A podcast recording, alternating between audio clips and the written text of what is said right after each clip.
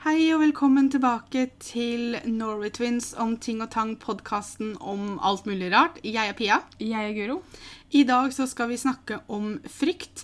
Jeg fikk ideen etter at jeg så en YouTube-video av Adrian Bailon på um, Hva heter kanalen hennes? All Things Adrian, tror jeg han heter. Der Hun heter heller ikke det lenger, for hun har gifta seg. Så hun Det er heter jo Houghton til etternavn. Så, men på hennes YouTube-kanal så hadde hun en video der hun snakka om frykt, og da hadde hun bare fått forslag til ting å være redd for, og så snakka hun om det. Vi har fått forslaga våre fra Instagram, hvor ellers. Hvis dere har lyst til å følge oss på Instagram, så heter vi Norway Twins blogg med 1G. Det er der vi som regel spør etter forslag til podkaster, spørsmål, eller da, sånn som i dag, så trengte vi ting å være redd for. Eller ikke redd for. Kommer an på hvordan du ser på det. Kommer an på hva tinga er. Jeg tenkte jeg skulle begynne med et spørsmål, Guro. Ja. Kan du huske en gang som du har vært sånn ordentlig skikkelig redd? ja. Når? Og det har vært én gang i livet, tror jeg. Mm. Sånn fryktredd, liksom. Ikke sånn nervøs fordi du skal ha foredrag og sånn, men Nei, jeg tenker på sånn ordentlig redd-redd. ja, Og det var den gangen når vi ble jaga ned i de røra ved gamle tennisbanen nede på røret. Det samme for meg. Det er første og siste gang jeg har kjent på sånn ordentlig frykt. At det satt i litt. Jeg kjenner ofte på den redselen pga. angsten, Mm. men jeg har også lært meg å kjenne igjen forskjellen på det å være redd som har med angsten å gjøre, og de følelsene vi hadde den dagen.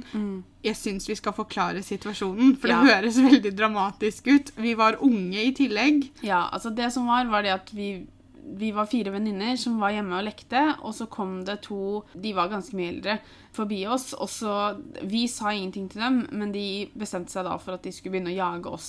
Og det her var jo personer vi kjente, for de holdt jo til i nabolaget der. Ja. Det var ikke nødvendigvis det at vi noen gang hadde syntes de hadde vært skummelt, og jeg tror de skulle prøve å eh, Tulle, eller- tulle eller noe sånt noe. Eller om de, vi tok det mer alvorlig enn de gjorde fordi at vi var så små. Altså Vi var vel en rundt 10-12, kanskje. Ja.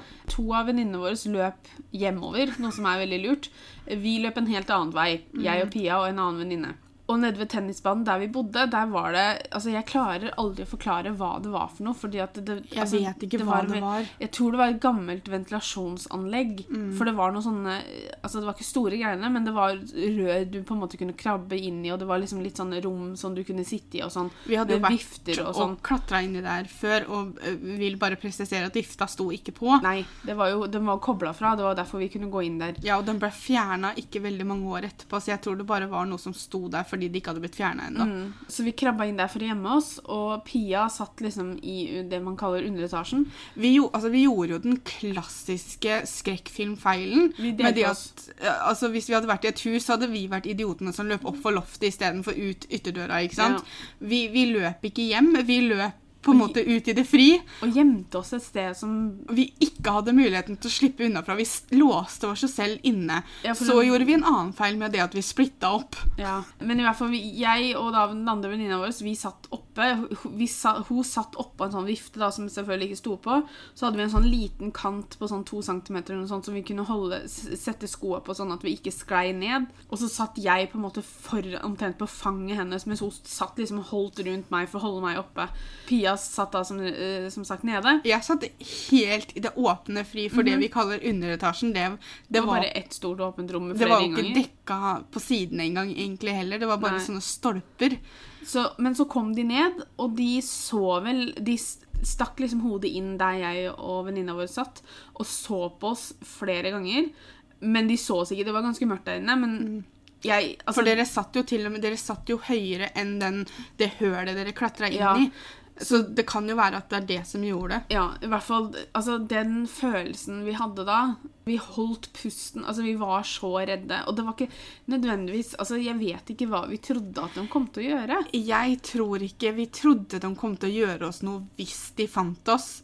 Det ble- Om det kanskje var bare overdramatiseringa til tre tiåringer og vi- situasjonen fordi vi hadde Ja. aldri blitt jagd sånn før. Nei. Og så blei det veldig annerledes enn hvordan vi pleide å forholde oss til disse to. Vi nå som voksne kan sitte og se tilbake på det her og tenke liksom hva i alle dager I er dag det? lever vi jo av det. Ja, Men- fordi i dag Jeg blir ikke redd når jeg tenker på det i dag, men, Nei, men jeg husker den der gripende frykten Mhm. som jeg hadde da. For jeg satt bare på huk innunder dette greiene og visste at du og venninna vår satt over oss, og var det liksom sånn åh, blir dem sett? Han ene kom jo inn, og der jeg satt, da kom du inn på en måte på midten av det litt åpne rommet. Og så Jeg hadde gått vel til venstre, og han kom inn, og da Jeg så liksom på en måte bare fra livet hans og ned. Fra der jeg satt. Og så kom han inn, snudde seg så mot høyre og gikk ut igjen. Og vi satt jo der lenge etter at de egentlig dro òg. For de ble jo lei. Antageligvis så bare lekte de eller noe sånt, og så Ja. ble de litt lei. Jeg tørde ikke å røre på meg. Nei, vi satt der jo kjempelenge, og til slutt så husker jeg venninna mi sa det at nå kan vi sikkert liksom gå ut. Og siden jeg satt først, så måtte jo jeg skli ned først. Og det husker jeg var veldig skummelt. Eh, men eh, vi overlevde det òg. Men det er faktisk den eneste gangen jeg kan huske at jeg har vært sånn ordentlig, ordentlig redd. Ja, den type redd. Jeg har også Selv om vi forklarte det nå sikkert ikke bra nok til at liksom denne følelsen skulle kunne kjennes igjen hos andre. Det er vanskelig å forklare, for at man opplever frykt på veldig mange forskjellige måter. Ja. Hadde det samme skjedd i dag, så hadde ikke det vært skummelt i det hele tatt. ikke Så sant? jeg hadde jo ikke løpt. Jeg hadde gått inn da, hjemme Ja. hos meg selv. Det er jo det at vi var barn i tillegg, ikke sant, Ja. som gjør det. Jeg var også veldig veldig redd den gangen når du lå på sykehuset. Jeg vet nå har du ligget på sykehuset flere ganger, Ja. men den når du endte der etter galleblæra. Ja. Men jeg vil kategorisere det som en annerledes frykt. ja. Fordi det er ikke nødvendigvis frykt for meg selv, det er frykt for tvillingsøstera mi. Hadde jeg huska noe av det, hadde ikke jeg vært så dårlig som jeg var, sånn at jeg hadde huska noe av det, så hadde nok jeg vært redd òg for hvordan det ville gått. Jeg tror nok heller ikke jeg fikk ordentlig beskjed hvor ille det hadde vært, før lenge etterpå. For jeg husker jo at jeg var dårlig. Jeg husker jo ikke den første uka jeg lå der, for da sov jeg jo omtrent bare pga. betennelsen var så ille. Men jeg tror også mamma var den eneste som mamma og pappa fikk beskjed om det. For jeg heller fikk aldri klar beskjed om hvor ille det faktisk var. Nei. Jeg bare husker det at altså, du kunne ha ligget der med brekt bein og jeg hadde vært redd. ikke sant? Altså, Det er liksom noe med det der å ende på sykehuset sånn akutt Ja. på den måten. Og det, det er vel like greit at de ikke fortalte det til meg. Vi må bare si fra om at naboen her driver og sager og pusser opp noe voldsomt, så hvis dere hører en litt sånn rar lyd, så er det saga eller pussemaskinen hans. Ja. Men eh, dette var på en måte den eneste muligheten vi hadde til å spille inn podkasten, så vi må nesten bare fortsette. ja, Vi får håpe han ikke har så mye igjen. Nei, så det, det fins jo forskjellige typer frykt også, vil Ja. når jeg sitter og påstår. I hvert fall Altså, for min egen del. For meg så fins det tre forskjellige følelser av frykt. ikke sant? Det er det når du er redd for noe, som det er det vi skal snakke om etterpå. Eh, Så har du det at når du er redd for andre sin skyld. ikke sant? Sånn som når, du, når jeg lå på sykehuset, så var du redd for meg. Og så er det det å være redd for seg selv, sånn som vi var når, i den opplevelsen vår når vi var små. ikke sant? For da var vi redde hva som kom til å skje med oss. Én ting er å være redd for en ting eller for et dyr eller et eller annet sånt. når du lå på sykehuset, så var jeg jo også litt redd for min egen del. Jo, jo. Fordi at Og jeg har alltid vært sånn når det gjelder ting jeg er redd for. Jeg har alltid vært sånn med ting som Når ting blir for ille, så har jeg det med å låse det inne og døtte det foran meg. Og jeg gjorde det veldig når du lå på sykehuset. For jeg gikk jo på skolen i Halden, så jeg måtte jo på skolen og være på skolen. Og folk kom jo bort til meg og spurte liksom, går det bra med deg, er det noe du trenger. Og jeg var liksom sånn nei, nei, det går helt fint. Hun er ikke, hun er ikke så sjuk, liksom, og det går bra. Og så kom jeg hjem til hybelen min, og så lå jeg bare og grein. Og det var jo fordi at jeg var redd for at noe skulle skje deg. Men det er jo også litt den der at hvis noe hadde skjedd deg, hva hadde skjedd med meg? Den kjenner jeg på. Men selvfølgelig så var jeg jo mest redd for deg, men Jo, det går jo litt sånn hånd i hånd. ikke sant? Og det, det gjelder jo alltid når du er redd for å miste noen. Så er det jo også litt grann den hva skjer med meg, hva skjer med livet mitt hvis det skjer? Men, men jeg tror nok du har rett i det at de tre kategoriene kan man uh, skille det inn i. Og det vi skal snakke mest om i dag, er jo den første du nevnte med at, å være redd for noe. Og da kan vi jo gå over på forslaga vi fikk på Instagram, for vi fikk jo faktisk en del. Noe som vi er veldig, veldig takknemlige for, og vi setter pris på hjelpa vi får. Hva er det første du syns du skal nevne? Smalltalk. Å, den kjenner jeg meg igjen i. Altså, Jeg kan ikke si jeg er redd for smalltalk. Jeg er jævlig dårlig på det. Jeg er flinkere på smalltalk på jobb i en profesjonell setting, hvis jeg kan kalle det det, og snakke med kunder eller snakke med eh, sjefer eller konsulenter eller noe sånt noe, da er jeg veldig flink på smalltalk. Og jeg har Ja. hatt kollegaer som liksom spurt kan du være snill ta deg av det her fordi at du er flink på smalltalk. Når jeg skal være 100% meg selv, det høres ut som ikke er det på jobb, men på jobb så tar du på deg en viss profesjonell Ja. maske. Du er på jobb, du vet at du har en jobb å gjøre. Når jeg er 100% meg selv på fritida og skal drive med smalltalk, det er mye verre. Da har jeg heller stillhet. Ja. å skulle fylle den stillheten med sånne dumme ting. Ta Sånn, taxi, for eksempel. jeg vil helst ikke prate jeg tar taxi, hvis ikke man kan finne et ordentlig tema å snakke om som gjør at samtalen går ordentlig. Ikke Ja, sånn som 'Å, i dag skinner sola'. Ja, det er jo det som regel det blir å prate om. Sola, eller så spør du om hvor du skal hen, eller Og jeg syns det er helt forferdelig, men igjen, ikke sant For meg så tror jeg det knytter seg litt inn i angsten også, for jeg er sånn Jeg er redd for å ikke ha noe lurt å si. For å være helt ærlig, jeg tror, vet ikke om de har så mye mangesnøre, for den akkurat den der tror jeg mange føler på sjøl. Altså, det er noen som Mamma er kjempeflink på smalltalk. Men mamma er flink til å snakke med Jeg skulle ønske jeg kunne alltid ha med meg mamma på ting. Ja. For hun er jo helt genial på det å for det første komme i kontakt med folk. Du så bare det på hotell i Vikersund, liksom. Ja. Men jeg, jeg, tror, Før vi vet ordet av det, så snakker vi med folk. jeg tror det er det at enten så er du flink på det, eller så er du veldig dårlig. Og hvis du er veldig dårlig på det, så kan du selvfølgelig føle en viss redsel for det fordi du syns du er så dårlig, men Det som går hånd i hånd med det, er jo awkward silence. altså, jeg tar heller det enn å snakke om bare piss. Å nei, vet du, da snakker jeg heller om været, altså, enn å sitte der og at det er helt stille, og at begge to Du vet at begge to er liksom sånn Nå må noen si noe. Men samtidig så er det ikke så ofte jeg føler den Altså, det kan godt bli stille, men jeg tar ikke det som en awkward silence. Og annen jeg oppfører, opplever det stadig vekk. Det er en av grunnene til at jeg ikke har lyst til å gå på blind date. For jeg syns det er litt deilig, da. Når man kan ta en liten pause og så la tankene vandre litt og sånn. Ja da, og det kan jeg også synes er deilig, og det kan jeg være med på, men, men det er på en måte noe annet enn en awkward silence når bare ting blir kleint de luxe. Jo da, det er sant. Altså, jeg har jo opplevd et par av dem òg, men Nei, og så, og så merker jeg det at liksom sånn, hvis vi treffer noen som ser på videoene våre, eller som følger oss, da, så blir jeg veldig sånn Og jeg skal prate om alt mulig rart. Og så er det ikke alltid jeg kommer på de beste temaene, så da blir det litt sånn smalltalk. Og det er ikke alltid det liksom, er ikke alltid jeg er like flink på det, da. Nei, men vi får håpe de tilgir oss for det, også, bare Ja. I, kan se på sola, da. Ikke sant? Altså, det blir veldig sånn tullete. Jeg kan ikke si jeg har en redsel for det. Det kan jeg ikke. Jeg tror, jeg tror det er ligger sånn og vipper på grensa for meg. Ja. Så har vi spøkelser og paranormale hendelser. Det kan jeg ikke sitte og påstå at jeg er redd for. Jeg søker etter dem, egentlig. jeg. Hvordan skal jeg forklare det her, da? Jeg tror ikke det at et spøkelse er en skikkelse du kan si at 'å, det ser ut som mormor'. Nei. Ikke sant? Tror jeg at det kan være en slags rest av sjela di som blir igjen? Ja. Når jeg tenker spøkelse, så er det det jeg tenker på. Ikke noe, en form du ser av noe slag. Nei. Jeg tror ikke de kan prate til meg. Tror jeg det er folk som ikke nødvendigvis kan prate med dem, men som kan forstå sjelrestene? Ja. Jeg har problemer med å tro på sånne ting ordentlig fordi jeg ikke har opplevd det selv. Det er litt den der du må se det for å tro det-greia. Samtidig så elsker jeg å se på sånn som eh, klipp på YouTube fra han eh, Hollywood Medium, eller hva han kaller seg. Jeg digger å se på det. Problemet mitt er litt det at når jeg ser det på TV, så sliter jeg litt grann med at jeg vet ikke hva som har blitt fortalt i produksjonen behind the scenes. Og det er litt spesielt med han, Ja. fordi at han har med kjendiser å gjøre. Jeg blir liksom sånn at det her er for TV. Hva har ikke han fått Og det er ikke sikkert at kjendisene nødvendigvis vet at de har oppgitt eh, informasjonen. Det er ikke det jeg mener, at alle er med på kaka. Men produsenter vet å få noen til å prate i et intervju for at de skal få være med, da.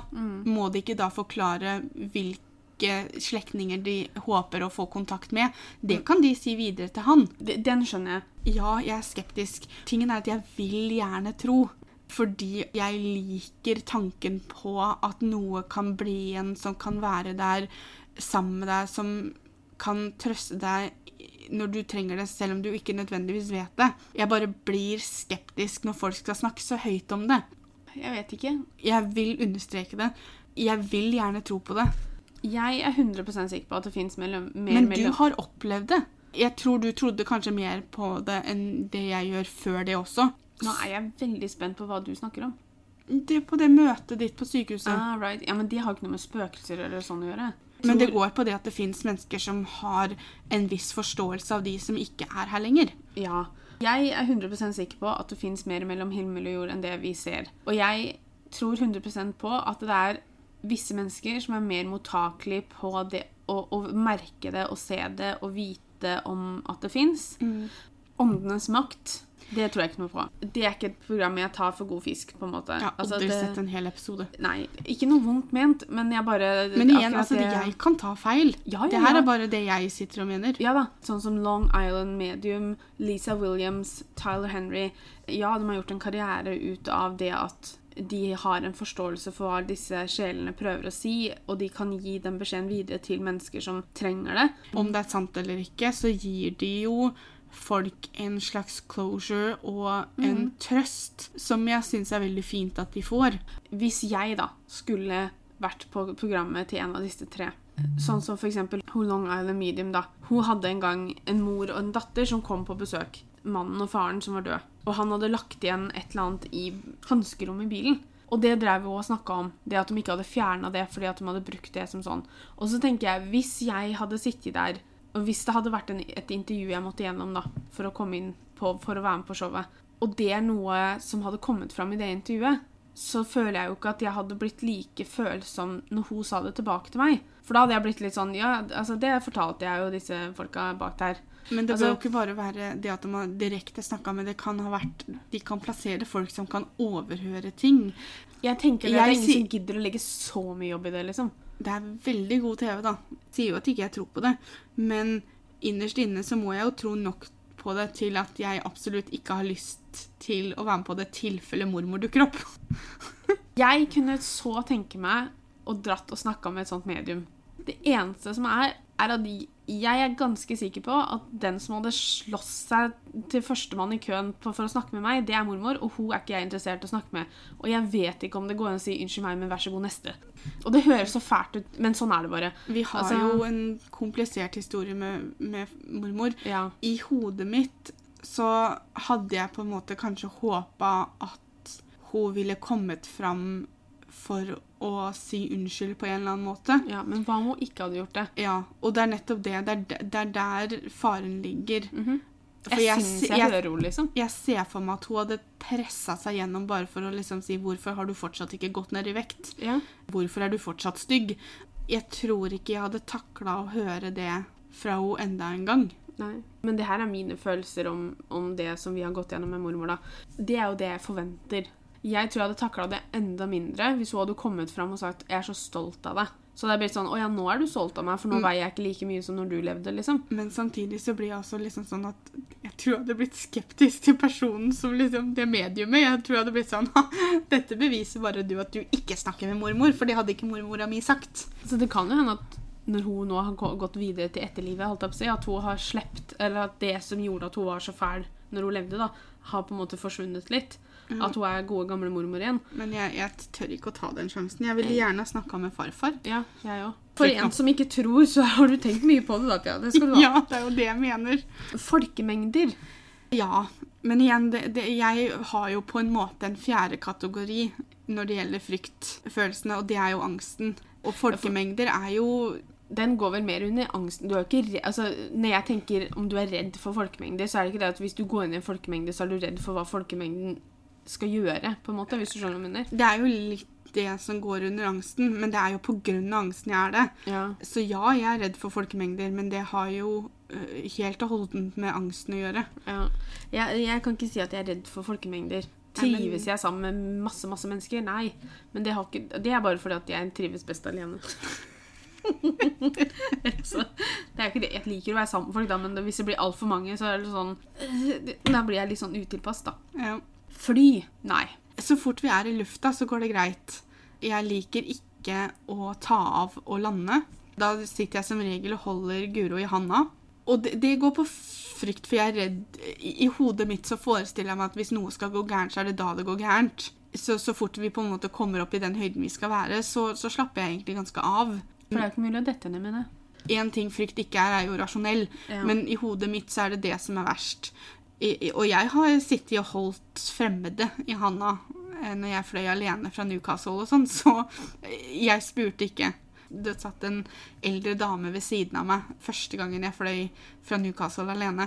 Nei, det var første gangen jeg fløy Det var når jeg skulle hjem etter jul. Aha. For du kom jo og henta meg. Ja. Men jeg skulle fly tilbake til Newcastle alene. Så satt en eldre dame ved siden av meg som eh, virkelig så eh, på meg at dette syntes ikke jeg var noe gøy.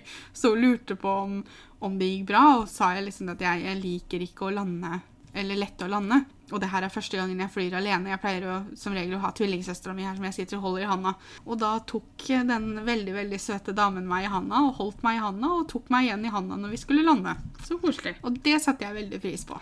Så er det hull, altså mange små hull, og det er typofobia, tror jeg det sies. Jeg er veldig klar over at det fins, men jeg kan ikke si at jeg, jeg kjenner på det Jeg i det hadde hørt om det før, men jeg, jeg har ikke den frykten. Nei. Ensomhet, det at man blir ufrivillig etterlatt. Ja, eksempel å bli mis eh, miste noen, da. Men ufrivillig etterlatt også, det er vel også det at noen pakker sakene sine og sier takk for meg, nå drar jeg. Jeg kan ikke si at det er noe jeg er redd for. Vet ikke åssen jeg skal legge det fram uten at det skal høres fælt ut. Men altså, jeg tenker at ok, si at Petter nå skulle sagt takk og farvel, nå er jeg ikke interessert i å være sammen med deg lenger allikevel, ha det bra, og så dra. Selvfølgelig, det hadde gjort veldig, veldig vondt. Det, men det er ikke noe jeg går og tenker på hver dag. Jeg går ikke og er redd for at han skal gjøre det. Blir jeg slått opp med da og må på en måte være alene igjen. Men det er ikke noe jeg Du, er redd for. du er kommer jo til å tenke det etter en, en stund. Ja, ja. Du kommer nok ikke til å tenke det med en gang. Nei, altså det er ikke samme dagen. Etter at vi har kverka den litt. Ja. Det går vel kanskje litt grann på det der å bli ufrivillig forlatt. For jeg vet ikke om det inngår at du er redd for at en viss person skal dra. For at alle drar jo ikke på likt. Eller om det er det at du er redd for å miste hele familien din i en ulykke, og du er den eneste overlevende, eller hva det inngår i den frykten som har vært forslaget.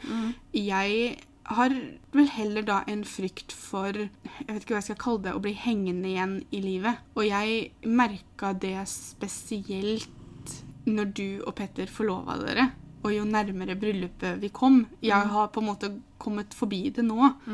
Var det at alle andre gifter seg, de får barn, og jeg sitter igjen her. Plutselig var ikke på samme sted i livet som noen av vennene mine. Hvis du skjønner hva jeg mener?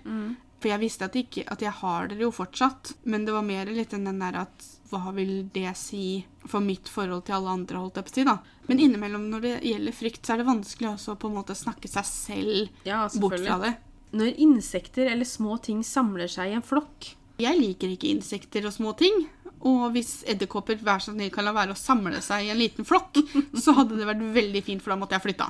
Men det er ikke noe sånn, altså når du ser en maurtue, eksempel, så er det, du friker jo ikke noe mer ut av det enn hvis du ser ti maur som flyr rundt på fjellet. Maur har jeg overraskende nok ikke noe særlig imot. Jeg har bare ikke lyst til å dette opp i en maurtue. Nei, det finnes grenser. Og det er, det er mye insekter som ikke har noe imot. Altså, det er ikke liksom sånn at oi, jeg, en gresshoppe', men altså, jeg blir ikke redd for det. Jeg blir mer redd for ting jeg ikke helt vet hva er, som ikke jeg har sett før. Og så er det på en måte edderkopper som er den store. Men er edderkopper og veps. Er det verre med én edderkopp eller ti edderkopper? Det er verre med ti edderkopper, for da måtte jeg flytta. For du er veldig sånn opptatt av at du må vite hvor denne edderkoppen er. Hvis det hadde vært ti av dem, så kunne de jo spredd seg litt rundt. Det verste jeg vet, er å se på Facebook når du ser de der videoene hvor folk skal slå i hjel en edderkopp, og så eksploderer den, og så kommer det sånn million babyedderkopper ut. Altså, jeg måtte ha bare dratt fra Moss. Hvis jeg ser en edderkopp her hjemme, så kan jeg ikke bare sitte og OK, der er en edderkopp, liksom. Den må ut. Ja, ja. Det skjønner jeg. Og hvis jeg da hadde hatt ti, så hadde jeg hatt ti jeg måtte tatt meg av. Og Ganske er sikker på at du hadde ringt meg. Ja, for det er vanskelig å holde styr på alle de ti på en gang. Og Ja. hva om jeg plutselig hadde bare funnet ni? Det hadde betydd at én edderkopp var igjen her inne et eller annet sted. Ja. Jeg vil ikke tenke på det engang. Kan vi gå videre? Ja. Så er det jo en ting som Du er rar, men uh, Sorry for alle de som nå er enige med Pia. Men navler. Du er jo ikke redd for navler, men du bare liker ikke å ta deg selv navlene. Du liker ikke å se andre sine navler. Du har en fobi for navler, og da er du redd for navler. Jeg, det er ikke det at jeg tror at en, en navl kommer til å skade meg. Nei, nei. Det er bare at jeg får helt fnatt, og jeg var ikke sånn da jeg var liten. Jeg vet ikke når det begynte. Det er jo typisk da at jeg skal få navlebrokk. Men hvis noen skal ta i nærheten av navlen min, eller hvis, hvis jeg klør i nærheten av navlen min, eller hvis jeg ser noen andre skal ta i nærheten av navlen sin, eller i navlen Altså, jeg får Å nei! Å, jeg gresser. jeg, ikke, jeg har ikke sånn i det hele tatt. Det eneste jeg syns er litt ekkelt, er at i navlen min nå så er det en del arr, fordi hver gang jeg har tatt kikkhullsoperasjon, så er det jo inn der hun går. Så når jeg skal vaske meg i navlen og sånn, så blir jeg litt sånn hi-hi, arr. Men det er jo ikke akkurat som jeg tror liksom, det er fortsatt åpent der. Men da tenker jeg litt på det. Men jeg har ikke noe forbi, eller jeg er ikke redd. Jeg syns ikke navler er ekkelt. Møte nye mennesker. Eh, ja. Nei. Men Eller Vi snakker om frykt, men det, det igjen, det går på angsten. Så, så i den forstand, ja. Men hvis du skal ta bort angsten, så syns jeg det er gøy å få nye venner. Ja. Hvis jeg kan møte folk i et kontrollert environment og blir introdusert av dem av andre ja. Det, er, det er lett, da, for å si det sånn. Slanger. Jeg må ærlig innrømme at jeg vet ikke. Jeg liker dem jo ikke. Det er ikke sånn å dulle-dull, liksom. Jeg har Men- tatt på en slange en gang, Ja. men det var også litt fordi at valget sto mellom å ta på en edderkopp og ta på en slange, og da Altså, Altså, du kunne valgt ingen deler, men eh, greit. ja da, men da tok jeg på en slange. Ja. Hadde jeg holdt en slange? Nei. Jo, det hadde jeg gjort. Får jeg fnatt når jeg ser det på TV? Altså, jeg liker ikke å se det på TV hvis det kommer for nærme folk og sånn. Jeg liker ikke å se at slanger biter. Det gjør ikke jeg heller. Hadde jeg plutselig sett en slange altså for eksempel hvis jeg hadde møtt en hoggorm i skauen, eller hvis jeg plutselig hadde møtt på en slange Hvis man hadde bodd et sted hvor det var mulig, da. Mm. Eller hvis man hadde bodd et sted hvor man plutselig kunne funnet en slange på soverommet fordi du hadde vinduet oppe og sånn, så hadde jeg vært redd. Da, igjen, da hadde jeg flytta. Men jeg hadde ikke vært redd hvis jeg hadde sett en hoggorm. Jeg hadde jo holdt meg unna, men hvis jeg hadde plutselig... Jeg hadde jo ikke gått bort og plukka Ja, men sånn som da men jeg var liten, da, så tråkka jeg jo på en. Da er jeg for nærme. sant. Men da gjør du noe så sinna. Ja. Det er, det er skummelt. Jeg tror ikke jeg er redd slanger. Liker jeg dem? Nei. Nei, jeg tror det er mer det det går på, at jeg ikke liker dem, enn at jeg er redd for dem. Mm. Hva er neste frykten vi fikk? Døden. Uff da. Ja. Altså, jeg skal helt ærlig si at jeg er ikke redd for å dø. Jeg er redd for at andre rundt meg skal dø. Nei, jeg tror jeg er det samme. Når vi først er på dette temaet, da, så kan jeg jo spørre deg om et spørsmål. Ja. Hvis du kunne fått lov til å velge Mhm. om å vite datoen du dør, hadde du villet gjøre det? Nei. Ikke jeg heller. Mørket. Jeg er ikke mørkredd, men jeg er en ekspert på å skremme meg selv i mørket likevel. Fordi at jeg tenker å, hvis du går rundt det hjørnet der, så står det en og venter på deg. Eller hvis du, særlig det å se ut av vinduet når det er mørkt. Hvem er det du treffer øya på nå? liksom? Hvem er det som står rett utafor vinduet? Jeg er ikke noe glad i den der når det er så mørkt at ikke du ser Noen noen ting. At du, du vet ikke om du har øya igjen eller oppe fordi at det er bare bekmørkt. Jeg var mørkredd da jeg var yngre. Ja. Spesielt sånn barneskole, barnehagealder. Jeg husker i barnehagen så drev vi og bygde hytter, for da hadde vi masse sånne stoffbiter Eller ikke stoffbiter, men svære sånne stoff... Stoffduker omtrent. Ja, som vi fikk lov til å lage hytter med. Vi gikk på Steinskolen barnehage. Var det noen som gjetta det? Da hadde vi liksom jentehytta, som var mye lysere, for vi brukte ikke så mye stoff. Og gutta lagde veldig, veldig mørk hytte fordi at det skulle være så mørkt som mulig, og jeg tørde ikke å gå inn. Og da, en som gikk i barnehagen sammen med, han, han fikk meg inn i hytta, da husker jeg Og det er så morsomt å tenke på, men det er sånn, jeg tror det er sånn typisk barn. Ja. ikke sant? Barn som skal passe på hverandre.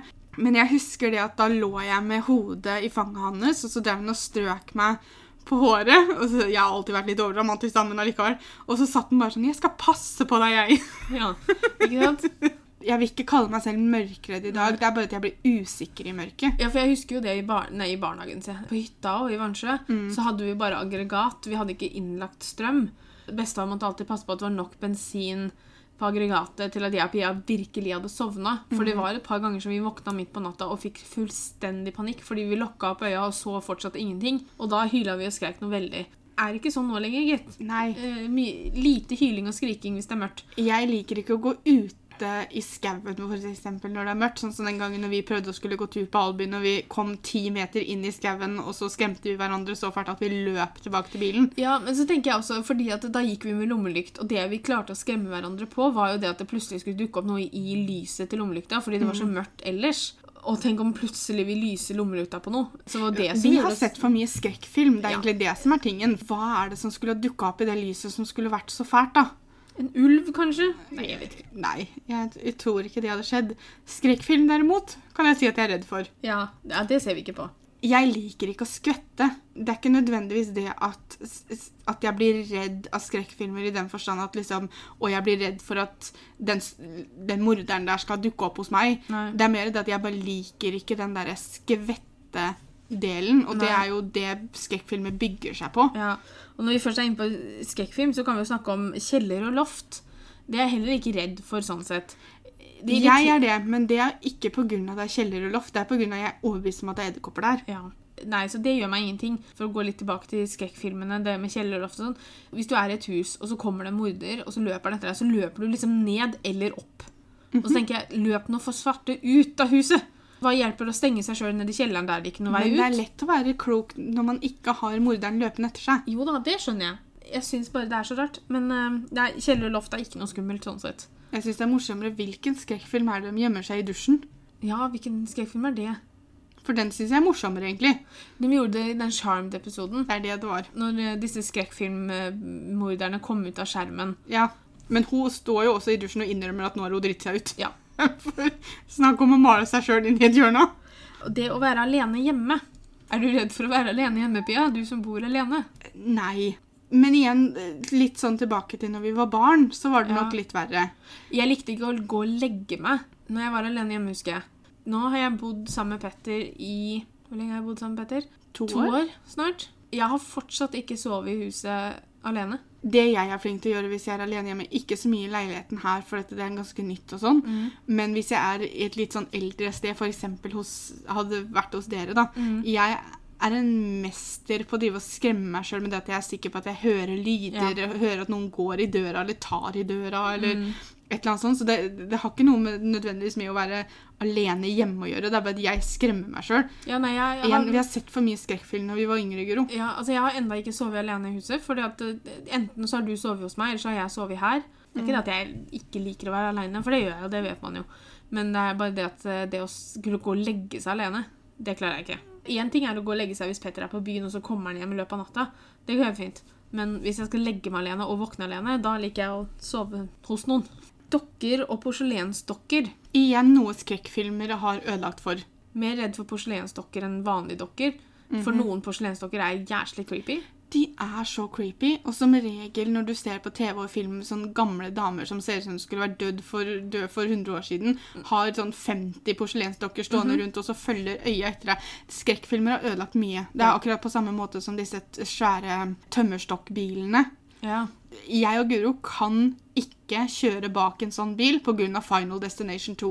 det, det kan suse en sånn tømmerstokk av den bilen som treffer vår bil, og da blir vi skorst. Ja, og det, Jeg hadde aldri noe problem med det før jeg så den filmen. Nei, men det var jo det som skjedde i den filmen, altså det er ikke noe rart man Nei da. blir litt sånn paranoid for det. Nei, det er jo, men, men man skulle jo på en måte tro at man kunne klart å legge det fra seg når man skrudde av filmen. Men det, hvis vi ender bak en sånn Nå er jeg heldig for Guro har samme greia, så hun vil ikke kjøre bak dem. Men hvis Guro ikke legger merke til det, så pleier jeg å si til Guro nå må vi, nå Ja, for må vi legge alltid jeg oss ut. husker på det. Og så sier du 'må vi ligge her', sier du da. Så nei, nei, jeg må ikke det, jeg kjører kjøre forbi. Det er akkurat som vi vokste jo opp når vi gikk på ungdomsskolen spesielt. Det var jo nesten, altså det populære var jo å sitte på lørdagskvelden og se på skrekkfilmer. Det var jo da vi så på skrekkfilmer. Vi ser jo ikke på det nå lenger. Nei. Men vi så veldig mye på skrekkfilmer når vi var, gikk på ungdomsskolen sammen med venninnene våre. Og øh, Skrikmaska, for eksempel. Jeg liker ikke den maska fortsatt. Ja, altså. Nei. Jeg syns nok ikke filmene er like skumle som vi så den første gangen. Det Nå, det går mer på det at de er jævlig flinke til det og at du skvetter. Ja, og så er det så blodig og stæsj. Du ser Ja. så mye. Jeg vil ikke at en skal ha på seg den maska og løpe etter meg, liksom. Da hadde det, nok hjertepumpa slått litt ekstra. Og så var det ikke en eller annen sånn der eh, med at du skulle stå og se deg i speilet og så si 'hangman' tre Ja. ganger. Jeg holdt på å si det var Candyman, men det er noe helt annet. Og det har jeg fortsatt den dag i dag ikke Ja, klart å si tre ganger. Du skulle stå i et mørkt rom foran et speil, skulle du si Hangman tre ganger, eller hva det var for noe, tre eller fire ganger. Mm. Vi sa det alltid én, For lite. ja, og så var det sånn Så var det sånn, dette er dumt, og så gikk man fordi man hadde ikke lyst til å si det siste gangen. For det kunne jo være at han plutselig dukka opp. Man ville liksom ikke ta sjansen. Nei. Klimaendringer. Kan ikke si at jeg er redd for klimaendringer. Det er noe man må tenke på. Jeg tror det er noe man skal ta alvorlig. Selvfølgelig. Man skal ikke bare eh, på en måte børste det under teppet og si at det får noen andre fikse opp i. Men jeg går ikke nødvendigvis og bekymrer meg veldig for det, eller er redd for konsekvensene av det. Jeg bare, og det betyr ikke at jeg ikke bryr meg. Det er bare at det er ikke noe jeg er redd for. Og jeg syns det er bra at det er noe som blir snakka om, og det er noe som man konstant kan lære mer om. Kjøre bil. Jeg vet ikke om jeg vil si at jeg er redd for det. Du er blitt mye bedre, men når Mm. jeg først fikk lappen, og når eksen din hadde lappen Han har jo fortsatt lappen, men eh, Han bare kjører ikke meg rundt. Nei, så, så var du veldig nervøs i bil. Ja, Du var litt var- sånn som mamma. jeg var sånn, ser du den personen som går der? For, ja da, den går på et jorde langt vekk, liksom. Jeg vil kalle det mer nervøs enn redd. Jeg fikk lappen i 2009. Jeg hadde ikke hatt lappen lenge før jeg fikk en sånn liten sånn hva skal jeg kalle det, panikkgreie. For jeg, jeg satt i bilen aleine, og jeg var sånn, jeg har aldri hatt noe problem med å kjøre bilen aleine. Og syntes det var egentlig veldig deilig å endelig kunne kjøre i bilen helt aleine uten å ha med kjørelærer og sånn. Men så satt jeg i bilen aleine, og det var ikke det at jeg kom opp i en situasjon som gjorde at jeg måtte bråbremse, eller at noen holdt på å kjøre på meg, eller at jeg holdt på å kjøre på noen, eller noe sånt. Men jeg fikk plutselig en sånn skikkelig panikkgreie om at herregud, jeg, jeg kommer til å dø i en bilulykke. Fordi plutselig så syntes jeg det var kjempeskummelt. Men så tenkte jeg at det her, Guro, det er bare tull. Nå må du, du, du har nå brukt så mye tid og penger på den lappen her, at du kan ikke bli redd for å kjøre bil nå. Så jeg måtte bare presse meg gjennom det, og fortsatte å kjøre bil hver dag, bare for å liksom prøve å komme gjennom det. Men jeg, det var faktisk en lang periode som jeg var redd når jeg var i bilen. Og det var bare når jeg kjørte sjøl, det var ikke når jeg satt på med noen. Når det gjelder å kjøre bil sjøl, så har jo ikke jeg lappen ennå. Det går også litt på det at å ta lappen er fryktelig, fryktelig dyrt. Ja. Jeg er mer nervøs i bilen når jeg kjører sjøl. Guro er snill og øvelseskjører med meg, og da er jeg nervøs. Men Ja. det igjen går jo på at jeg har ikke lappen ennå. Altså Du føler at du ikke kan. Ja. Noe som egentlig bare er tullete, for du kan, men, men det at du er nervøs, stopper deg litt. Det er ikke meg selv jeg er nervøs for heller. Jeg er bare eh, nervøs for å være en irritasjon for andre biler på veien. Du er ikke den verste på veien, da. Nei da, men jeg, det er bare det som bekymrer meg. Jeg er bekymra for liksom, at noen skal føle at jeg kjører i veien, eller at jeg kjører for sakte. Eller, altså, jo, men samtidig så har du også Så sakte kjører jeg som altså, Det er jo også grunnen til at man har en sånn L på bilen da, når man øvelseskjører. Ja, men det er at- ikke alltid folk tar veldig Nei. hensyn til den, altså. Jeg hater, og jeg blir så irritert når jeg ser folk som ligger helt oppi rumpa på folk som øvelseskjører, eller som blinker på dem, eller tuter på dem, eller liksom er utålmodig med dem i det første. For at, husk på at du har vært der en gang, du òg, liksom. Du har, En gang så måtte du også lære å kjøre bil. Ja. Og du hadde ikke likt det om folk var utålmodige med deg da. Og det er jo hvorfor vi alltid kjører seint på kvelden. Fordi at jeg vil ha så lite biler på. Jo, veien som samtidig- mulig. Da lærer man heller ikke godt nok, fordi at i trafikken så kommer det alltid til å være andre biler. Ja. Og du kommer ikke til å bare kjøre bil når det er lite biler ute, så for å lære så må man faktisk også kjøre en, i de periodene hvor det er en del biler. Det er veldig sant, det. Jeg Ja. bare har ikke kommet dit ennå. Blodprøver, nåler og blod. Her vil jeg si ja. Jeg er ikke redd for det, men jeg liker ikke. Jeg liker ikke nåler i det hele tatt. Altså, Jeg kan ikke se på at hun stikker og sånn, men Nei, det har jeg aldri gjort. Jo, før så hadde jeg ikke noe problem med det. Før så syntes jeg egentlig det var litt fascinerende å se på at, ble, at når det ble tatt blodprøve. Men etter at jeg lå på sykehus og måtte ta så mye blodprøver og sånn, så har både blodårene og jeg blitt litt sånn eh, hell no. Så nå, nå kan jeg ikke se på det, og blodårene mine er veldig uinteressert i å bli stikket i. Så det er litt sånn vanskeligere. Men på sykehuset her i Moss så er de veldig flinke. Ja, jeg sa det til henne forrige gang jeg var der og tok blodprøve. For jeg satt jo liksom nesten og fikk nakken ut av ledd fordi jeg skulle snu meg bort. Og så når hun stakk meg, så merka jeg det så vidt. Det var som å få et myggestikk. Og jeg bare Dette her kunne du. Ja.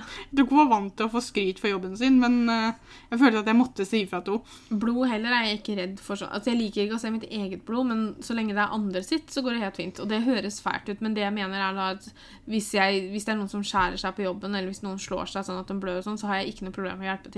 Jeg ser mer på oppgaven som må gjøres, enn hva som kommer ut av det såret. Jeg vil ikke si at jeg er redd for blod, men jeg, jeg liker det svært lite. Uansett om det er mitt eget eller andre sitt. Ja.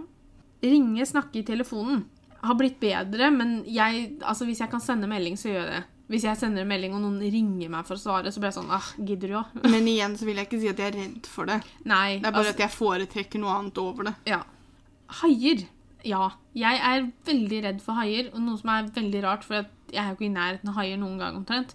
Haier er en ting jeg har problemer med å se på TV. Det skal sies at nå for litt siden så, så jeg noen klipp fra den filmen Den Deep Blue, Blue Sea. Men, Og da, da, satt jeg mest egentlig og himla med øya av meg sjøl. men da blir det veldig urealistisk. Ja, og det samme hvis du, ser, hvis du hadde sett på Jaws nå, eksempel. Ja, det altså, det er jo en cruisebåt som blir svelga av en, en, en hai. Så ille er det ikke, da, men haiene går etter båter, ikke sant? og så er Mm. de like store som båtene. og sånn. Det er sånn Jeg syns det er eklere og liker ikke å se på de filmene der det blir mer realistisk. Der det liksom det er en normal størrelse hai. Ja. Det som leder opp til at haien kommer, det er liksom musikken og stemninga, og så blir du liksom sånn Å nei, nå skvetter jeg, for nå kommer haien. Ja. Igjen, det går tilbake på det å skvette. Jeg hadde vært redd for hai hadde jeg vært i en situasjon der det kunne kommet hai. ja. Men når jeg sitter her hjemme i stua mi, så, så, så tenker ikke jeg 'Å, jeg er redd for haier'. Det gjør jeg ikke. Men jeg hadde jo heller aldri satt meg i en situasjon der jeg kunne møtt altså sånn derre sånn, Å stå i sånn bur nedi vannet for å se på haier. Jeg trenger ikke å se haier så nært, jeg. Det kunne jeg faktisk gjort hvis jeg hadde stått inni et bur. Men åssen kan du gjøre det når du er redd for haier, For Hvis jeg står jo i et bur. Men det der å fridykke med hai og sånn, det kan noen andre ta seg av. Ja. For det er også litt den der med det som er med frykt, er jo at ofte så er det bra å møte det du er redd for, og prøve å på en måte komme over det. Men Jeg sier ikke at det er noe man må gjøre, men hvis man kommer opp i en situasjon Og det er en sånn situasjon for meg. Hvorfor jeg skulle ned i det buret, er jo for å på en måte prøve å møte frykten i et kontrollert og trygt miljø. Vi var jo i Reptilparken i Oslo og holdt tarantella. Og det var jo min måte å konfrontere frykten min for edderkopper. Men jeg visste også det at hadde, det var ikke en mulighet for meg å dø ved å gjøre det. Jeg hadde ikke hatt noen grunn til å konfrontere en frykt som faktisk kan ta livet av meg. Jeg er ikke redd for andre ting i vannet. liksom. Jeg er ikke redd for fisk eller maneter. og sånn. Jeg har ikke lyst til å bli... Jeg er redd for brannmaneter. Altså, men er du redd for dem, eller er det bare det at du ikke har lyst til å bli brent? Jeg er redd for dem. Ok, Men jeg er ikke redd for glassmaneter. nei. Dem kan jeg gjerne holde, men Ja. brannmaneter er jeg redd for. Jeg er ikke redd for det, men jeg har ikke lyst til å gå på en haug med brannmaneter allikevel. En annen ting jeg er redd for, er smerte. Nei, det har jeg faktisk blitt ganske vant til. Ja, men man skulle på en måte tro det at jeg også nå etter et, snart et år med rygg, eh, eller prolaps i ryggen, at jeg kanskje kunne ha kommet over det òg, men det, det er jeg faktisk redd for. En ting jeg er veldig redd for, er jo brann.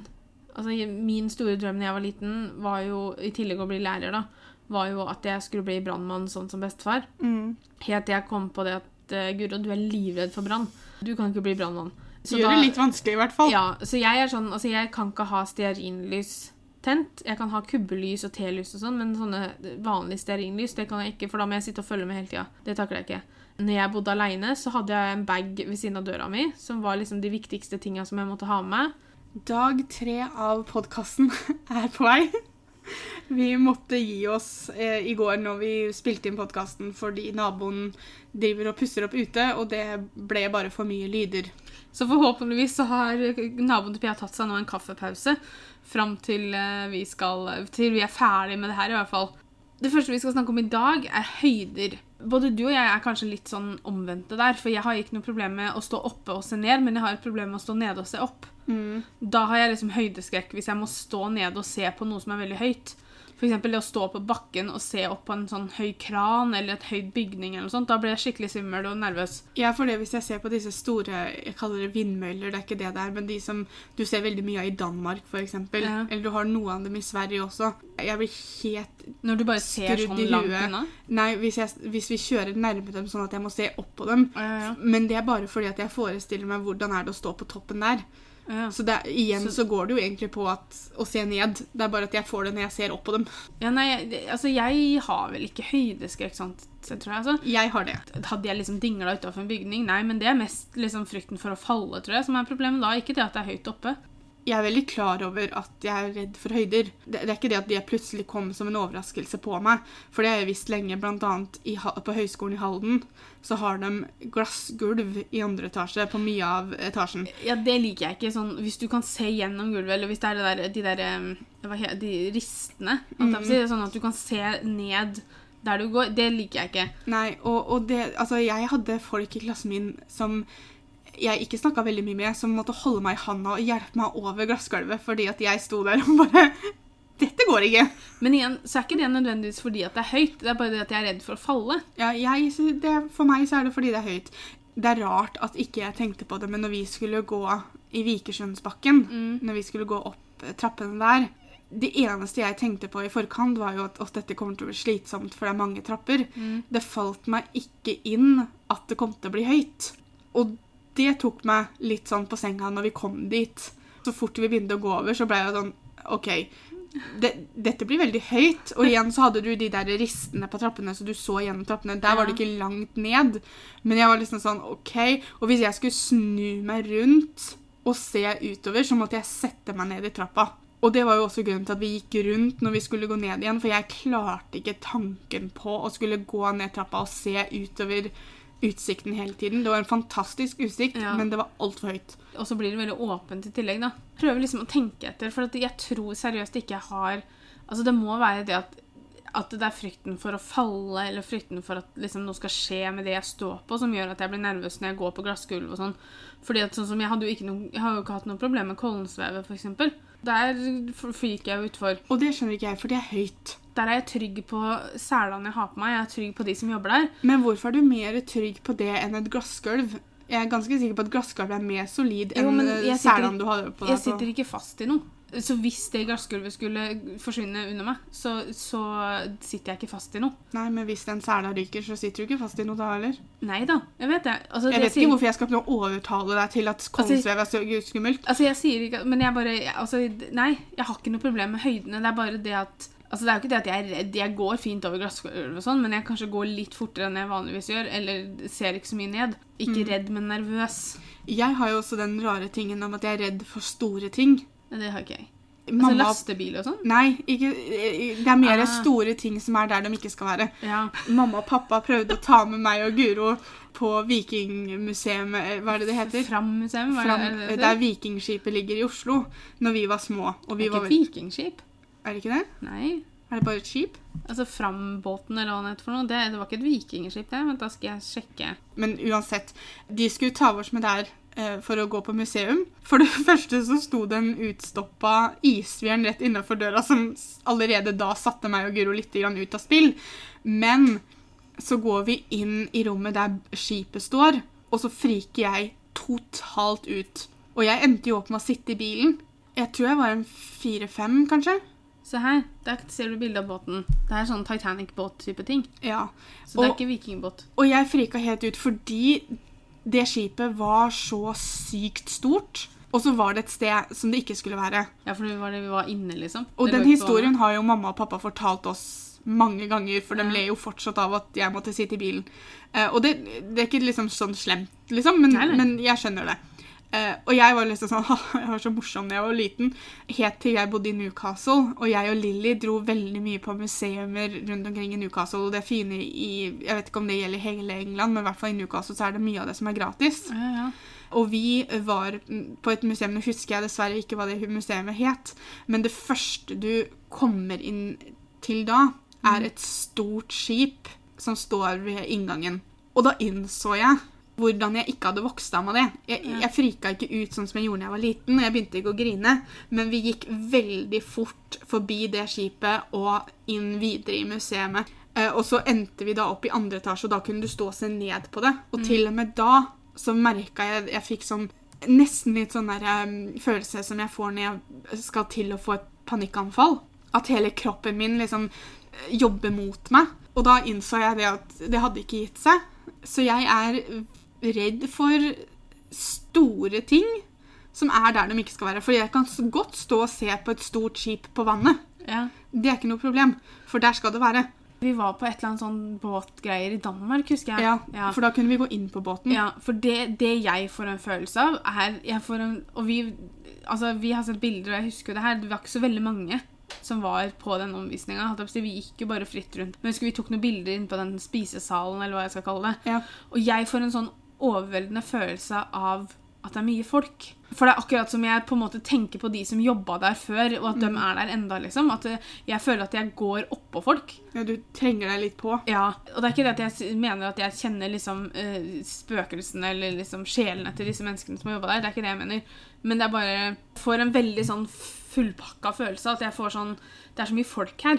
Det kan være en slags respekt for de du vet har vært her tidligere, da. Det kan være. Sammen på Maihaugen og sånn. Der er jo sikkert mange av husa er jo flytta dit i ettertid og sånn, men så tenker jeg liksom her Det her var hverdagen til noen. Det å fly her og Ikke akkurat der, kanskje, men å liksom bo sånn. Eh, jobbe hver dag på gården sin. Det å jobbe hver dag på båten. De satt der og spiste måltidene sine før de måtte ut og jobbe igjen. ikke sant? Altså, jeg, jeg tenker veldig på sånne ting. Ja, og det tror jeg bare er at du respekterer historien til stedet eller skipet, da. Ja. Jeg har veldig stor respekt for historie, selv om jeg er elendig til å huske historie. Historie var jo det faget på skolen jeg likte minst, for det var altfor mye datoer. Ja, jeg klarer ikke å huske datoer og årstall og sånn. Nei, for du er en, en racer på å huske bursdager og sånn. Men det er noe annet, for jeg husker bursdagene til de jeg bryr meg om. Jo, jo, men du er veldig flink til å huske sånne datoer, da. Ja, Mens andre det, må det kanskje skrive ned sånne ting. Men historie Altså, jeg har veldig, veldig respekt for historie. Kunne jeg jobba som sånn time traveler og besøkt steder i historien Hvis jeg hadde hatt med meg en historieekspert, så ville jeg mer enn gjerne gjort det. Ja, altså, jeg kunne Selv om vært... du kan banne på at jeg hadde vært den som hadde klart å messe opp et eller annet, og så hadde vi kommet tilbake, og så hadde det ikke vært noe eh, likt i det hele tatt. Du må holde hendene godt innafor, ikke ta på noe sånt. Altså, du må gå eh, Se, men ikke røre. Ja. Det var det mamma alltid sa. mhm. Det med klaustrofobi. Mm. For det du snakker om det med at du får litt panikk når det er store ting, steder du ikke Det kan jo på en måte være det at du føler at rommet er litt fullt. Det blir litt sånn overveldende, tror jeg. Jeg har ikke klaustrofobi. Jeg har ikke noe problem med å stå i små heiser eller trange rom. Eller jeg får ikke klaustrofobifølelse hvis, hvis det er mye folk i en stor heis, f.eks. At det blir litt trangt og sånn. Jeg føler jeg har sagt det her veldig mye, men jeg har aldri hatt klaustrofobi. Men jeg har fått det litt nå i forbindelse med angsten. Men, jeg vet ikke om men det- er klaustrofobi. Nei, men det går heller ikke på, for jeg kan fint stå i en bitte, bitte liten heis alene. Sånn som eksempel på Stena Line. da. De heisene er jo ikke store i det hele tatt. Hvis Mm. Nei. du og jeg står i en sånn heis, så har jeg ikke noe problem. Men jeg får problem hvis det er flere folk der, og det kan være ett menneske til. Og da kan det føles ut som klausofobi. Men jeg tror ikke det er det. Det går jo det går på angsten. For klaustrofobi, da hadde du ikke klart å gjøre det alene heller. Nei. For da hadde et lite rom vært det, det jeg Altså, jeg husker når jeg jobba på Meny på Mossporten. For så vidt en frykt jeg har enda, men det var, jeg vet ikke hvorfor det var verre enn jeg jobba på Mossporten. Er, jeg har helt panikk for å bli stengt inne på frysa. Og ikke sånn jeg står og jobber på frysa, og så lukker døra seg. Ikke sånn. Men jeg tenker mer på sånn Å nei, vi blir rana, og de stenger oss inne i frysa. Men det har vel ikke så veldig mye med at det er lite rom. Det har vel med at hvis du blir stengt inne på frysa, så får du et helt annet problem med kulda og Jo, men jeg, tror nok ikke du fryser deg inn på frysa vår, eh, for å si sånn. Da Ikke med en gang, nei, men Nei, hvis men- du blir sittende der en stund, så Ja, da skal du sitte der ganske lenge, tror jeg. Men uansett, altså jeg vet ikke hva det er for noe. Det er bare en sånn rar greie jeg har for meg. Men du tror ikke det Um, går mer på å være redd for å bli rana, da? Nei.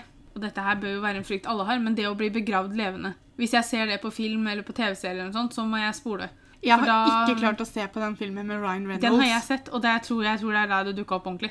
For jeg har alltid tenkt at det må være dritkjipt å bli begravd levende. Men Så det er vel jeg ingen som tenker ja, det hadde vært greit. Nei, men etter at jeg så den filmen Ellers takk. Det, det kan få hjertet til å slå litt ekstra. Nei, det var, var det Buffy som måtte liksom slå seg ut av kista? Ja. Ja, Det heller har jeg ikke sett etter at jeg så det første gangen, for det blir litt sånn stress. For jeg tenker med meg sjøl at det hadde jo jeg aldri klart. Så kommer vi til noe Pia kanskje har et litt anstrengt forhold til, og det er julenissen. Pia var veldig, veldig, veldig redd for julenissen når hun var liten. Så mye at når vi var på juletrefester og sånn, så måtte jeg alltid være den kjipe jenta som så ut som jeg var litt grådig, for jeg måtte gå bort til julenissen og si 'Kan jeg få to? Jeg har en søster som sitter bak pianoet der.' For det var det hun gjorde. Jeg klatra jo til og med opp eh, på Var det Odd jeg klatra opp, på på Ja, brannvakta? en eller annen som du ikke kjente så godt på den tida, i hvert fall. For bestefar jobba jo på brannvakta. Vi var jo alltid på juletrefestene der. Når da nissen kom, så kom den på stigebilen opp gjennom vinduene. Og Litt det, sånn som vi snakka om tidligere, det der med å plutselig se noe i vinduet. ja, Det kan, jeg har aldri vært redd for nissen, men jeg, altså, de nissene på brannvakta hadde jo masker på seg. ja, for det, på den Ser ut som leiemordere hele gjengen. når jeg var redd for nissen, så var jo det på den tiden når nissene hadde ma maska med skjegg og sånn. Jo, men han som var på Posten eh, juletrefestene, han hadde ikke maske. Det var sånn Men da var, jeg, da var jeg allerede påvirka av maskene, så Jo, jo. selvfølgelig tørde jeg ikke å gå bort til andre nisser heller. Men jeg har jo kommet over det nå. Men da jeg var liten da på brannvakta, når nissene kom da hvis, og så, Det var ett år som jeg da tydeligvis ikke fant bestefar, da. Nei, Det var ikke det at du ikke fant den, men han, Odd sto rett bak deg. Ja. Og så kom nissene litt sånn uventa på deg, og da frika du helt ut. Så du bare snudde deg, og så bare krabba du opp nærmeste fyren som sto ja, og det Bak tror jeg Odd nevnte hver gang han traff meg. Var mm. det at han hadde fått den pia kravlende oppover kroppen og rundt halsen før han visste egentlig hva som skjedde. Ja, For du nekta jo å slippe før bestefar liksom tok over. Ja, for noen måtte beskytte meg mot disse nissene. Mhm. Men jeg er ikke redd for nissen i dag. Men jeg er veldig glad for at disse maskene er borte. De var jo så, det var noe med det derre å se de maskene og så så du bare øyet. Det var liksom sånn hull inntil det, Altså, det var jo så creepy. Altså Det som er med maska, ikke sant? den beveger seg jo ikke. Den Nei. kan ikke smile. den kan liksom ikke, Du får ikke noe uttrykk av den. Nei, Og de hadde vel ikke lagd de maskene til å smile, heller, for du skulle vel Nei. også se munn. Ja, Munnen var bare sånn en strek omtrent. Mm, Det, var liksom ikke noe godhet i den nissen i det hele tatt. Men jeg tror det er grunnen til at jeg ikke liker masker i dag heller. Eh, Sånn, halv, altså sånn masker som bare dekker øya, eksempel. Det Det er ikke noe problem. Men sånn heldekkende masker Ja. Hø! Det minner meg litt for mye om klovner. Og klovner ellers takk. Altså, klovner, Hva er vitsen med en klovn? Jeg har ikke problem med klovn så lenge, men skrekkfilmklovner har jeg et problem med. For For altså, de dreper deg jo. Altså, og det her kommer fra meg. En ganske positiv og, og bli person, vil jeg si. At jeg, altså, jeg har jo alltid vært sånn glasset er halvfullt type person, og, og, og vil heller være blid og, og glad enn sur og grinte. Men klovner, altså, de har jo et problem. Det er ingen som er så lystig og blid hele tida. Nei, det er creepy. Ja, for det er noe med det at du ser ikke hvem som er under sminka. Nei, og så er det så veldig sånn, Du er så på deg, og mange klovner er sånn «Å, du, du skal tulle med deg og sånn. Jeg bare Kom deg unna, liksom. For det er det samme. Jeg har ikke noe problem med klovner, egentlig. Men jeg har noe problem med de der som står eh, på gata, og sånn, sånn sølvmenn og sånn, sånn liksom Hvis du legger penger i hatten, ikke sant, så begynner de å bevege seg. Nei, for de sier Sånt ingenting. syns jeg er creepy. Nei, klovner eh, eh, Nei. Mye å være redd for her i livet, tror jeg. Ja. Jeg tror også det viktigste når man tenker over ting altså Sånn som det vi har snakka om nå, da. Det er sånn som klovner. ikke sant? Det er ikke noe jeg trenger å møte hver dag. Kan jeg si. Har du en frykt som på en måte er- påvirker hverdagen din, så vil jeg jo si det at da er det faktisk verdt å prøve å komme over det på en måte. Jeg vet om en som hadde flyskrekk, og han måtte egentlig mye ut og fly pga. jobb og ferier og sånne ting. da. Og han tok da et kurs. Da får du et kurs som fra liksom A til Å, så får du vite hvordan flyet fungerer. Du får vite at når vi tar av, så gjør flyet sånn og sånn. Den lyden kan komme av sånn og sånn. Du får vite alt Ja. om hvordan et fly fungerer. Sånn at når du sitter på flyet og du hører et eller annet, en lyd, eller noe sånt, så skal du egentlig vite at ja, men det er flappen der som Jeg vet ikke hva, så jeg kan ikke noe flydeler. The vingen. flangy, som Ja, the left flange. Du får vite, du blir så trygg på fly da, at du skal klare å sette deg i et fly. Noen som har flyskrekk, har kanskje flyskrekk fordi at de liker ikke å sitte i en metallboks som flyr opp i lufta, uten at man skjønner helt logikken bak hvordan den holder seg oppe der. ikke sant? Mens andre har kanskje flyskrekk fordi at du er redd for at selve flyet, det skal skje noe med flyet.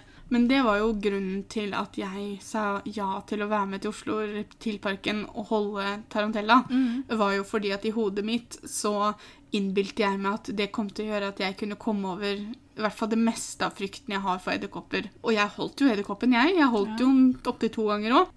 Første gangen vi så en edderkopp her hjemme etter at jeg hadde vært og holdt den, så var jo jeg veldig kjepphøy. Jeg bare Da, da var du veldig søt. step back, og så bomma jeg, og da løp jeg hylende vekk. Jeg skulle tro sånn klovn. Da ble det liksom, jeg bare, å ja, du hadde såpass kontroll. Eh, Så det eh, har ikke hjelpa meg. Nei. Selvfølgelig, det kan hende man må gjøre det flere ganger, Mhm. men, Men- jeg, jeg tror det at det er noe i det. Men samtidig så Jeg tror ikke man skal så tvinges til det. Nei, man må, man må gjøre det hvis man selv vil. Man må gjøre det når man er klar for det. Det er lov til å være redd for ting. Så lenge det ikke stopper deg i hverdagen. Mm. Og så lenge det ikke er noe som skal si, setter ned livskvaliteten din. Mm. Eh, Sånn som med angsten min. Jeg innså jo til slutt at jeg måtte snakke med legen min, fordi Mm. at jeg måtte ha noe veiledning til hvordan jeg skulle prøve å finne ut av det. Men eksempel med deg, da, som er redd for haier. Du kommer aldri til å møte på haier, så det er ikke nødvendig for deg å gjøre noe med den frykten. Sånn som jeg da, som sa at jeg hadde vært villig til å gå ned i sånn bur ved haier. Det hadde jo ikke nødvendigvis vært for at jeg skulle kommet over den. Jeg hadde sikkert vært like redd for haier, hvis ikke mer, etter den greia der. Men det er jo det, hvis man klarer å sette seg i situasjoner som gjør at du er i nærheten av frykten, altså sånn som når jeg var i Sivilforsvaret også, når vi skulle ha om brannslokking, så tørde jo ikke jeg å si ifra at jeg var redd for brann, for det syntes jeg var litt pysete. Og da hadde vi flere forskjellige øvelser. Du skulle slokke brann med brannslokkingsapparat, og så skulle du også slokke kroppsbrann. For de tente på en dokke, og så skulle du ta et sånt pledd som du skulle legge over og klappe. ikke sant? Og så var det sånn Dette skal ikke jeg gjøre først, ikke sant? for jeg ville jo egentlig ikke. Så jeg stelte meg liksom bak, halvveis bak i køen. liksom. Og jo nærmere jeg kom jo, så slapp jeg bare flere og flere folk folk foran meg. Jeg bare, jeg har lyst til å se en gang til. Jeg går foran meg, du. Gå foran meg. Ikke sant? Og til slutt så sto jeg liksom 100 meter unna der for jeg rygga for hver gang, ikke sant? uten å egentlig merke det sjøl. Til slutt så sto jo han ene lederen foran meg og så bare 'Guro, går det bra?' liksom. Jeg bare 'Ja, ja, ja. Jeg bare venter på tur.' Han bare 'Ja, men altså, køen begynner liksom der borte. Du er ganske langt unna nå', liksom. Og jeg bare 'Sorry, men jeg er veldig redd for brann'. Og han bare 'Hvorfor sier du ikke det? Da slipper du', liksom. Det er ingen som skal tvinge deg til å gjøre det her. Når du er i Sivilforsvaret, ja, det er veldig positivt å kunne alt. Og det, jeg kan også. Hadde jeg sett en person som brant, så hadde jeg ikke nølt med å gjøre noe. Men det er det å gjøre det når du ikke vet at det er høyst nødvendig å gjøre det. Nå er eh, mannen tvers over gata ferdig med kaffepausen sin, så nå begynner eh, hamringa og spikinga og sånn igjen. Så da bare sier vi tusen takk for at dere hørte på. Vi rakk å bli ferdig, da. Ja, ja, det er ikke gærent. Tusen takk for at dere hørte på, og så høres vi neste uke. Ha det. Ha det!